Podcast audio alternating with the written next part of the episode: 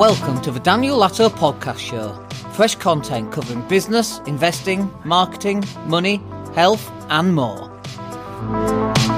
We were just having a conversation with uh, one of our clients in Australia, and they uh, are also saying that they've noticed that people all around the world are buying less and less. And they're not the only ones. We're, we have that as well. We we have other clients in the UK, and they're noticing their revenues are dropping as well. Now, actually, we're really lucky as a digital marketing agency. Uh, we lost a few clients, but then our revenues are going back up.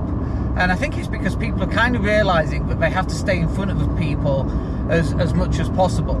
Uh, because when this is lifted and when all you know the Ukraine issue is resolved, hopefully, uh, when people start buying again, they're going to buy from people that they're constantly seeing um, on their newsfeed.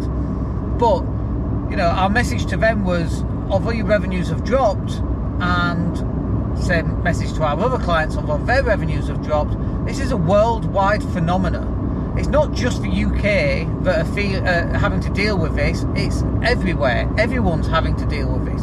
And it is causing problems all around the world. So if you feel like it's just happening to you and it's just you that can't afford things, and my goodness, the price of things have gone up, I can tell you safely, it's not just you, it's everybody that that's happened to.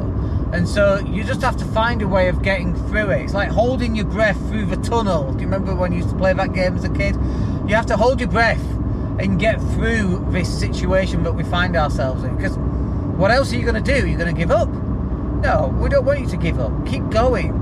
Keep, keep on ploughing through. Keep putting marketing out there.